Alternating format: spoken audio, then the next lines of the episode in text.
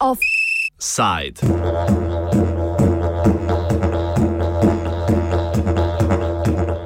Slabi amantmaji k že slabi zakonodaji.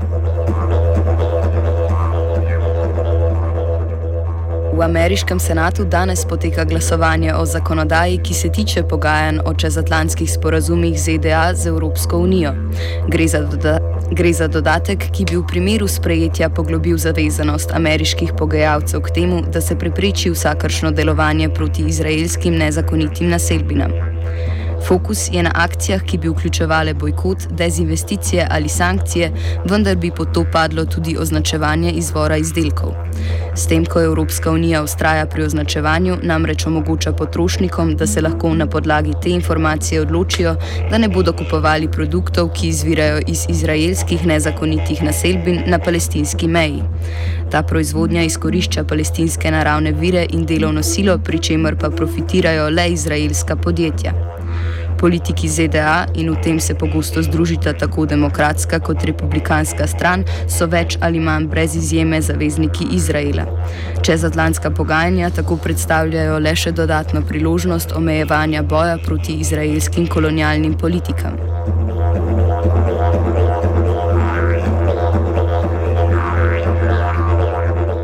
Omenjena določba, ki se nanaša na BDS, je le del zakona o poslovanju imenovanega Trade Promotion Authority Bill. Ta bi predsedniku Obami omogočil samostojnejše ravnanje pri pogajanjih in potrjevanju mednarodnih trgovskih dogovorov.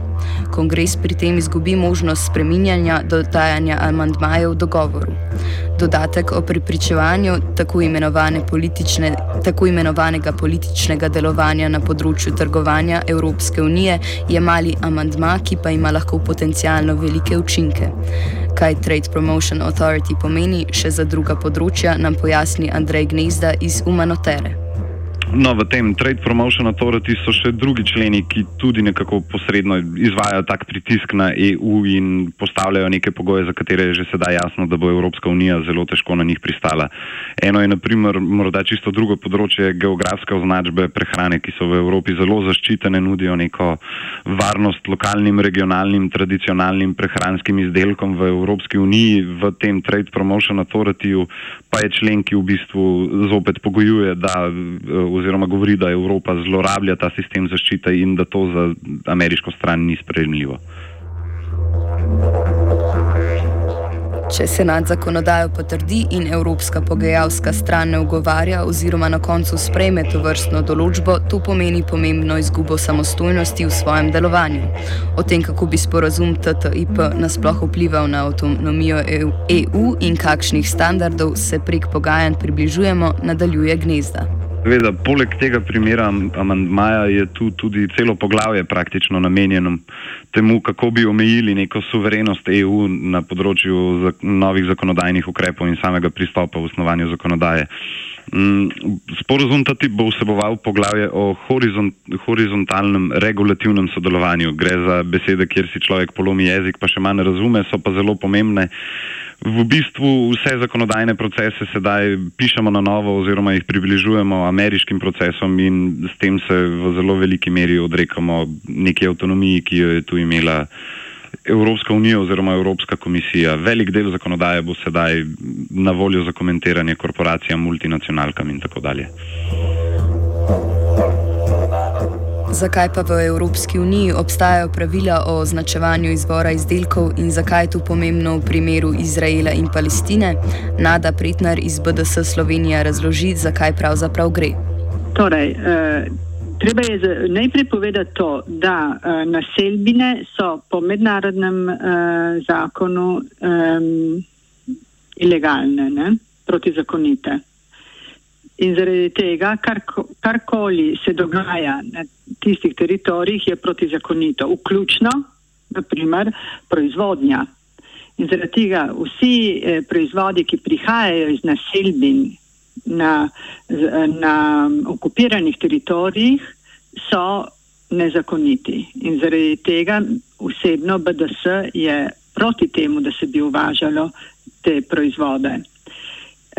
Medtem ko Evropska unija pa ima eno stališče bolj pragmatično in kompromisno, za nas delno problematično, je to, da bi se označevalo uh, proizvode, ki prihajajo iz naselbin, nezakonitih naselbin, tako da uh, potrošnik ima vsaj izbiro, da se odloči, če bo pač kupil uh, proizvod, ki prihaja iz nezakonitih naselbin ali pa ne in kupoval izključno samo to, kar prihaja res iz Izraela. Evropskim potrošnikom se tako samodelno po povečuje pravica do izbire. Kdo bi si mislil, da je to nekaj, čemu bodo ZDA nasprotovali? A pod vprašanjem se ne bo znašla samo pravica do označevanja izvora, ampak vsakršno delovanje v smeri bojkota, dezinvesticij ali sankcij. To pomeni, da bodo lahko na mesto izraelskih kolonizatorskih podjetij sankcionirani tisti evropski poslovni subjekti, ki si bodo drznili zauzeti stališče do nezakonitega izkoriščanja palestinskih palestinske zemlje in ljudi. O tem, kaj sledi potrditvi določbe, pretnar. Ja, to je pa spet še nekaj drugega in veliko hujšega, bi jaz rekla. Ne?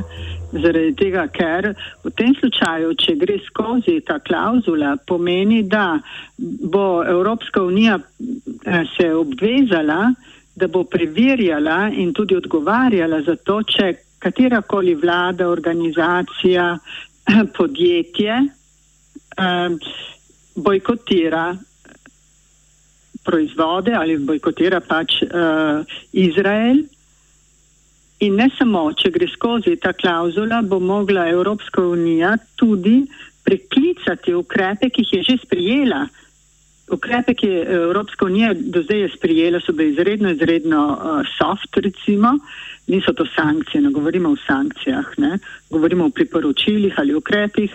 Um, ki so namenjeni temu, da se uh, privede Izrael do tega, da spoštuje mednarodno pravo, nič drugega. V Evropski komisiji nam žal niso želeli komentirati internega delovanja v ZDA, čeprav ima le to potencialno velike posledice. Kljub temu pa imajo tako tisti, ki nasprotujejo čezatlantskim sporazumom, kot tudi aktivisti pri BDS zelo jasno izdelano stališče o tem, kaj bi Evropska unija lahko naredila z močmi, ki jih ima.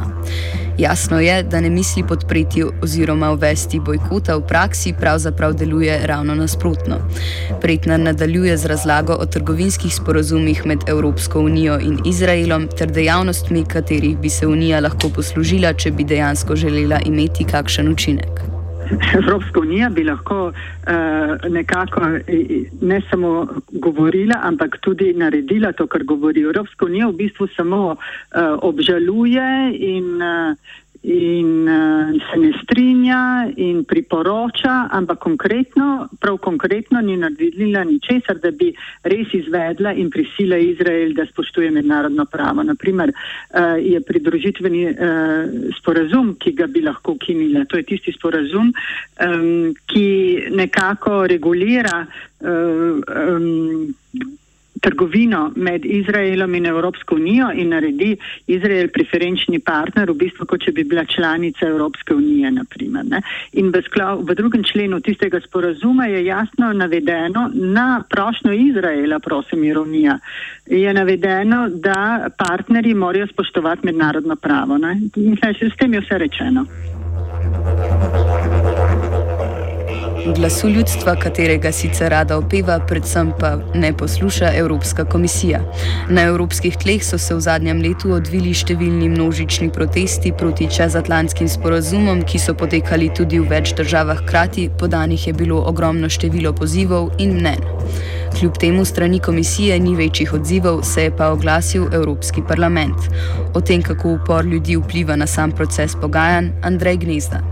Ta vse bolj močne kritike javnosti mislim, da so zelo dobro zaznane. Evropski parlament ravno pripravlja resolucijo o sporejetju oziroma o pogajanjih o sporazumu ta tip.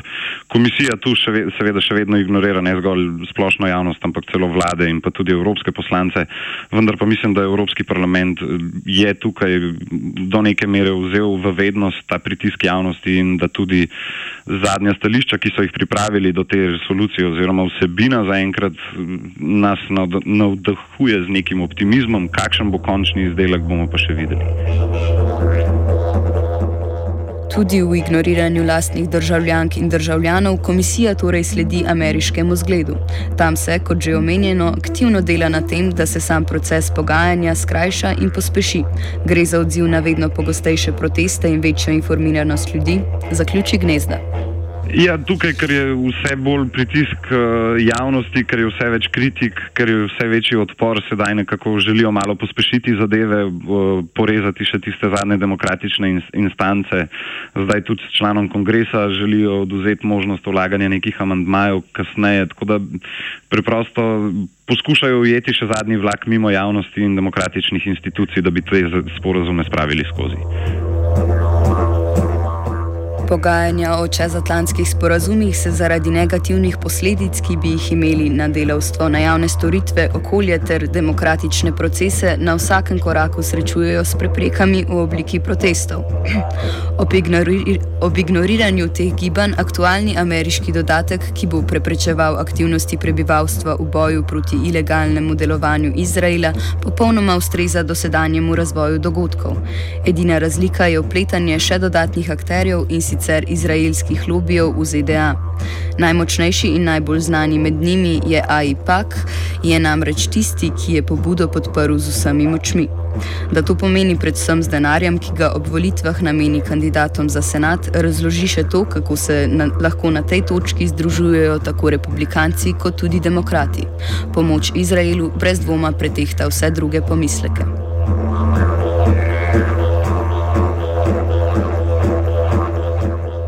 Offside je pripravila Zala.